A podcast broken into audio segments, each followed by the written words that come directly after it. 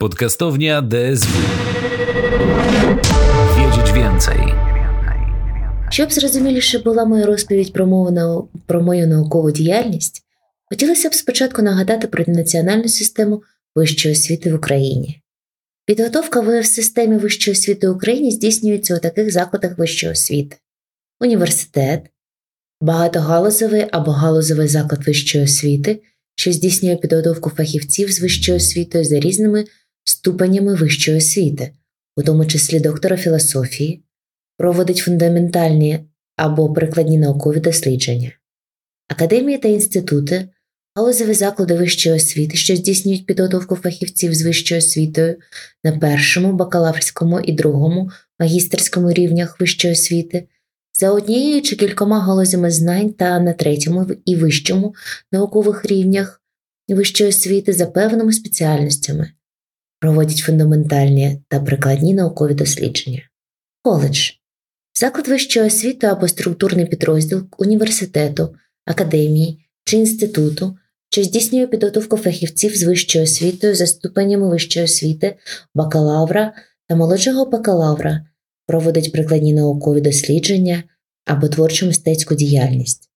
Статус коледжу отримує заклад освіти, структурний підрозділ закладу освіти, в якому обсяг підготовки здобувачів вищої освіти ступеня бакалавра або молодшого бакалавра становить не менше 30% загального ліцензованого обсягу коледжу. Статус національного закладу вищої освіти є почесним, надається за визначений внесок у розвиток вищої освіти, науки та культури, та культури України та відобра- відображається в найменуванні закладу вищої освіти. Освітні програми та присвоєні ступені вищої освіти.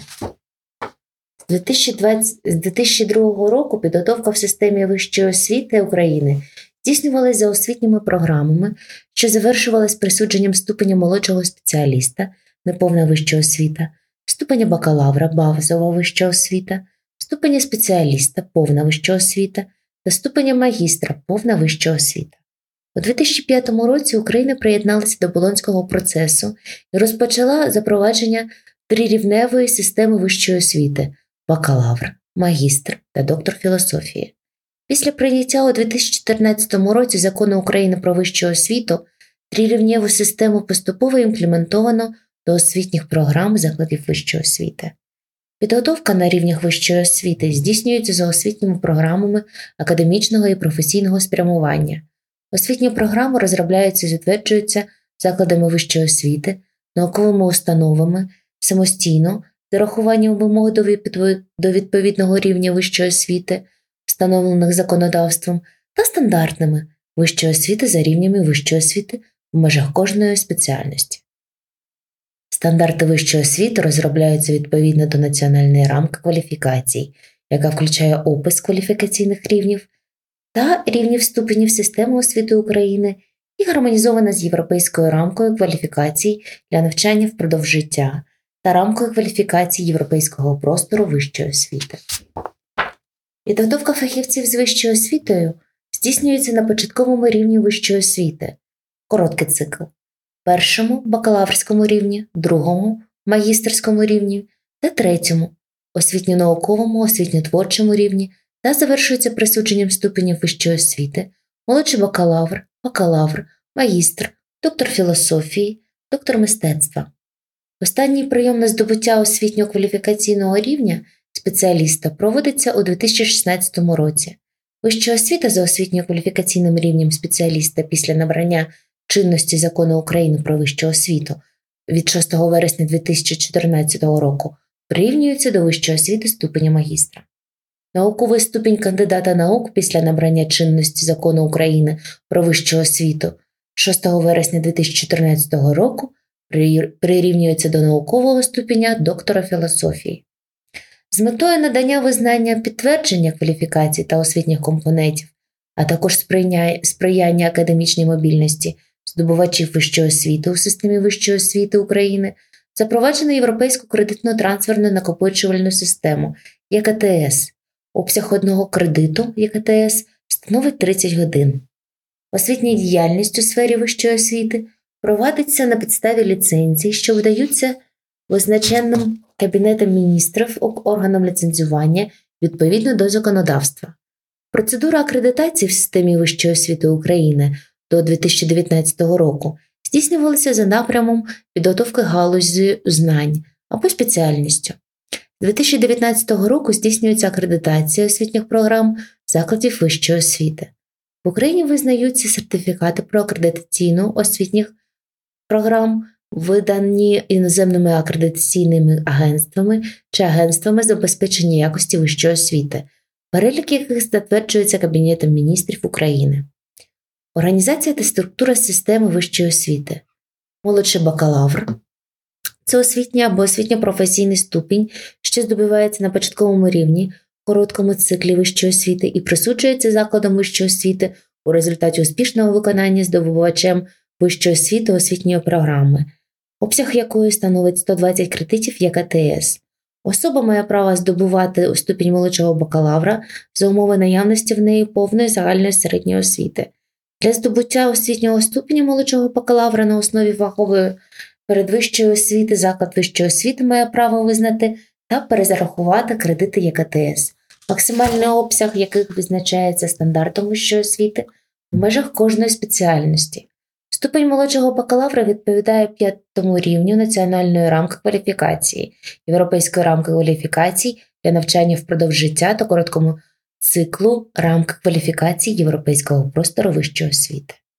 Бакалавр це освітній рівень, що збувається на першому рівні вищої освіти та присуджується закладом вищої освіти у результаті успішного виконання здобувачем вищої освіти, освітньо-професійної програми, обсяг якої становить 180-240 кредитів як АТС. Особа має право здобувати ступінь бакалавра за умови наявності в неї повної загальної середньої освіти. Для здобувача освітнього ступеня бакалавра на основі освітнього ступеня молодшого бакалавра або на основі фахової передвищої освіти, заклад вищої освіти має право визнати та перезарахувати кредити як АТС, максимальний обсяг, який визначається стандартом вищої освіти в межах кожної спеціальності. Ступінь бакалавра відповідає шостому рівню національної рамки кваліфікацій, європейської рамки кваліфікацій для навчання впродовж життя та першому циклу рамки кваліфікації європейського простору вищої освіти. Магістр це освітній рівень, що здобувається на другому рівні вищої освіти та присуджується закладом вищої освіти, науковою установою у результаті успішного виконання здобувачем вищої освіти, відповідної освітньої програми, обсяг якої становить 90-120 кредитів як АТС для освітньої професійної програми або 120 кредитів як АТС для освітньо-наукової програми. Особа має право здобувати ступінь магістра за умови наявності в неї ступеня бакалавра. Ступінь магістра відповідає сьомому рівню національної рамки кваліфікацій, європейської рамки кваліфікацій для рамки навчання, впродовж життя та другому циклу рамки кваліфікації європейського простору вищої освіти, інтегровані наскрізні програми. Ступінь магістра медичного, фармацевтичного або ветеринарного спрямування здобувається на основі повної загальної середньої освіти або освітнього ступеня молодшого бакалавра, фахового молодшого бакалавра, освітньо-кваліфікаційного рівня, молодшого спеціаліста за за відповідною спеціальністю і присуджується закладом вищої освіти у результаті успішного виконання здобувачем вищої освіти відповідної освітньої програми обсяг якої у випадку, якщо ступінь магістра медичного, фармацевтичного або ветеринарного спрямування здобувається на основі повної загальної середньої освіти, становить 300-360 кредитів ЄКТС. Для здобуття, для здобуття освітнього ступеня магістра медичного, фармацевтичного або ветеринарного спрямування на основі освітнього ступеня молодшого бакалавра або на основі фахової передвищої освіти Заклад вищої освіти має право визнати та перезарахувати кредити ЄКТС, максимальний обсяг яких визначається стандартом вищої освіти. Ступінь магістра медичного, фармацевтичного або ветеринарного спрямування відповідає сьомому рівні національної рамки кваліфікацій, європейської рамки кваліфікації для навчання впродовж життя та другому циклу рамки кваліфікації європейського простору вищої освіти, доктор філософії.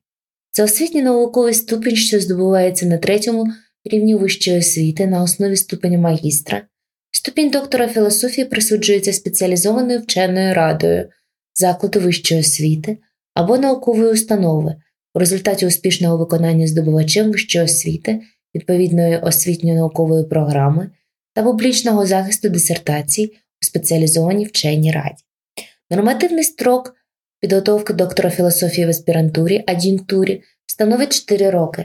Обсяг освітньої складової освітньо-наукової програми підготовки доктора філософії становить 360 кредитів ЄКТС. Ступінь доктора філософії відповідає восьмому рівню національної рамки кваліфікацій, Європейської рамки кваліфікацій для навчання впродовж життя та третьому циклу рамки кваліфікації європейського простору вищої освіти. Доктор мистецтва це освітньо-творчий ступінь, що здобувається на третьому рівні вищої освіти на основі ступеня магістра. Особа має право здобувати ступінь доктора мистецтва у творчій аспірантурі. Нормативний строк підготовки доктора мистецтва у творчій аспірантурі становить 3 роки. Обсяг освітньої складової освітньо-творчої програми підготовки доктора мистецтва становить 30, 30 60 кредитів ЄКТС. Ступінь доктора мистецтва відповідає восьмому рівню національної рамки кваліфікації, Європейської рамки кваліфікацій для навчання впродовж життя та третьому циклу рамки кваліфікації Європейського простору вищої освіти. Доктор наук це другий науковий ступінь, що здобувається особою на науковому рівні вищої освіти на основі ступеня доктора філософії і передбачає набуття найвищих компетентностей у галузі розроблення і впровадження методології, дослідницької роботи, проведення оригінальних досліджень, отримання наукових результатів, які забезпечують розв'язання важливої теоретичної та прикладної проблеми, мають загальне національне або світове значення та опубліковані в наукових виданнях. Ступінь доктора наук присуджується спеціалізованою вченою радою, закладу вищої освіти чи наукової установи за результатами публічного захисту, наукових досягнень у вигляді дисертацій або опублікованої монографії, або за сукупністю статей, опублікованих у вітчизняних і міжнародних рецензованих фахових виданнях, перелік яких затверджується центральним органом виконавчої влади у сфері освіти і науки.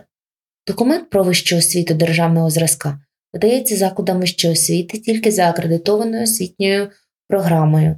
За неакредитованою освітньою програмою заклади вищої освіти виготовляють і видають власні документи про вищу освіту у порядку та за зразком, що визначені вченою радою закладу вищої освіти.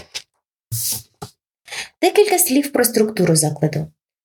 Структура закладу вищої освіти, вища освіта, бакалаврат, магістратура, післядипломна освіта, аспірантура, ад'юнктура, ординатура, інтернатура, органи управління, вчена рада, ректорат, деканат, освіта, основні підрозділи, інститут в університетах, факультет та кафедри, посадові особи, ректор, проректор, декан, завідувач кафедри, викладачі, професор, доцент, старший викладач, викладачі кафедри, студенти, студентське самоврядування, студентський гурток та студентське містечко. Для роботи в українському виші необхідні мати науковий ступінь. В Україні їх два кандидат наук і далі доктор філософії та доктор наук. Після отримання наукового ступеня присвоюються вчені звання доцент або професор. Кандидат, наук може бути і професором за рішенням Міністерства освіти і науки України. За умов, що має досягненню, досягненню кількість публікацій та не менше трьох кандидатів наук, захищених під його керівництвом. Аспірантура відкривається при закладах вищої освіти третього або четвертого рівня акредитації і прирівняних до них закладах післядипломної освіти. У наукових установах, які мають висококваліфіковані науково-педагогічні та наукові кадри, сучасну науково дослідну експериментальну та матеріальну базу. Відкриття і закриття аспірантури і докторантури у закладах вищої освіти у наукових установах за винятком наукових установ Національної академії наук здійснює МОН, а в наукових установах Національної академії наук і президія. Порядок підготовки здобувачів вищої освіти ступеня доктора філософії та доктора наук у закладах вищої освіти, наукових установах затверджене постановою Кабінетів, Кабінету міністрів України від 23 березня 2016 року за номером 261. Ключові зміни в системі аспірантури впроваджені порядком підготовки здобувачів вищої освіти ступеня доктора філософії. Відповідно до закону України про вищу освіту, навчання в аспірантурі триватиме 4 роки. Захист дисертації є обов'язковим під час перебування в аспірантурі в межах 4 років. Аспірантура може бути очною, отже, або денною, або вечірньою, або заочною. Але для заочної аспірантури, відповідно до пункту 31 порядку підготовки здобувачів вищої освіти ступені доктора філософії, не передбачено державного замовлення.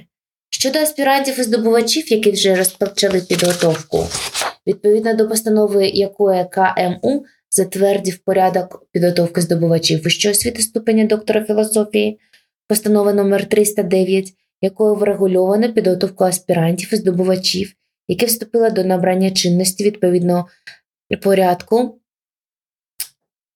Отже, до 30, 23 березня 2016 року залишається чинною до 1 січня 2019 року. Таким чином, якщо аспірант або здобувач уже розпочав підготовку, він або вона має завершити її до початку 2019 року. Логічно було б, щоб до того часу проведжали функціонувати чинні спеціалізовані вчені ради по захисту дисертацій.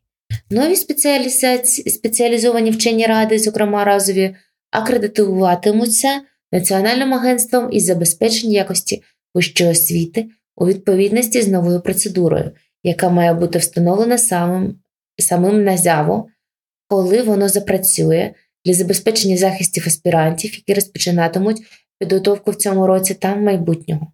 Щодо здобувачів, з 2016 року статус здобувача вже не передбачений законодавством. Починаючи з 2016 року, навчання в аспірантурі є обов'язковим для всіх, хто готує дисертацію на здобуття ступеня доктора філософії за винятком осіб, які займаються науковою роботою у вищих навчальних закладах або в науковій установі.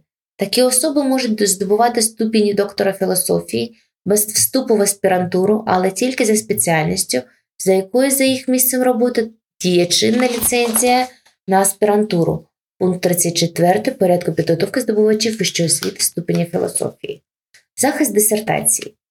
Після закінчення аспірантури аспірант може подати на захист виконану дисертацію. Робота захищається привселюдно на спеціалізованій вченій раді, ЗВО або науково-дослідного закладу. До захисту допускається робота, якщо вона відповідає вимогам е, ДАК МОН України, раніше ВАК України. Основні вимоги до захисту дисертації такі: наявність складених кандидатських іспитів для аспірантів і здобувачів, апробація основних результатів дослідження на наукових конференціях, конгресах, симпозіумах, семінарах, школах тощо, наявність публікацій, зокрема певної кількості публікацій у наукових фахових виданнях на здобуття ступеня доктора наук не менше 20, на, здобув... на здобуття ступеня кандидата наук не менше 5. Причому обов'язково мають бути публікації в електронних і у виданнях іноземних держав або у виданнях України, які включені до міжнародних наукометричних баз. Аспірантура і докторантура у структурі Харківського національного педагогічного університету імені Григорія Савича Сковороди реалізує завдання щодо створення умов безперервної освіти, підвищення науково-педагогічної і наукової кваліфікації громадян. В історії університету вперше згадується про аналог сучасної аспірантури у 1916 році. У той час найздібніших випускниць харківських вищих жіночих курсів прикріплювали до кафедри для підготовки та отримання професорського звання. 1034 2006 року в педагогічному інституті відкрито аспірантуру з двох спеціальностей. На теперішній час у Харківському національному педагогічному університеті імені Григорія Савича Сковороди опановують освітні наукові компоненти ОНП 19 докторантів і 396 здобувачів третього освітнього наукового рівня вищої освіти, у тому числі 76 іноземних громадян за 10 спеціальностями. Виконання освітнього компонента забезпечують 102 доктори та 68 кандидатів наук, 44 кафедр університету. Я навчалась в аспірантурі по кафедрі історії педагогіки та загальна педагогіка. Зараз вона має назву кафедра освітології та інноваційної педагогіки. Як і у ті часи, так і сьогодні кафедра має потужний склад 21 наукового педагогічного працівника, 13 докторів наук, 8 кандидатів наук або докторів філософії. У нас в університеті зареєстровано декілька наукових шкіл. Я маю честь бути належною до четвертого покоління наукової школи професора Лозової Валентини Іванівни.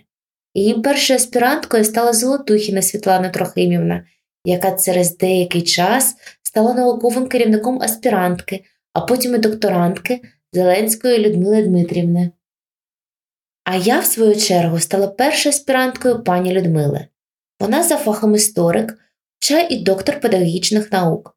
Це дуже допомогло мені при обиранні теми написанні моєї дисертаційної роботи. Я за фахом філолог, але мене завжди приваблювали питання історії педагогіки. Так з'явилася тема організаційна педагогічна діяльність факультетських рад університетів України, друга половина 19 століття за шифром 13.0001 загальна педагогіка та історія педагогіки.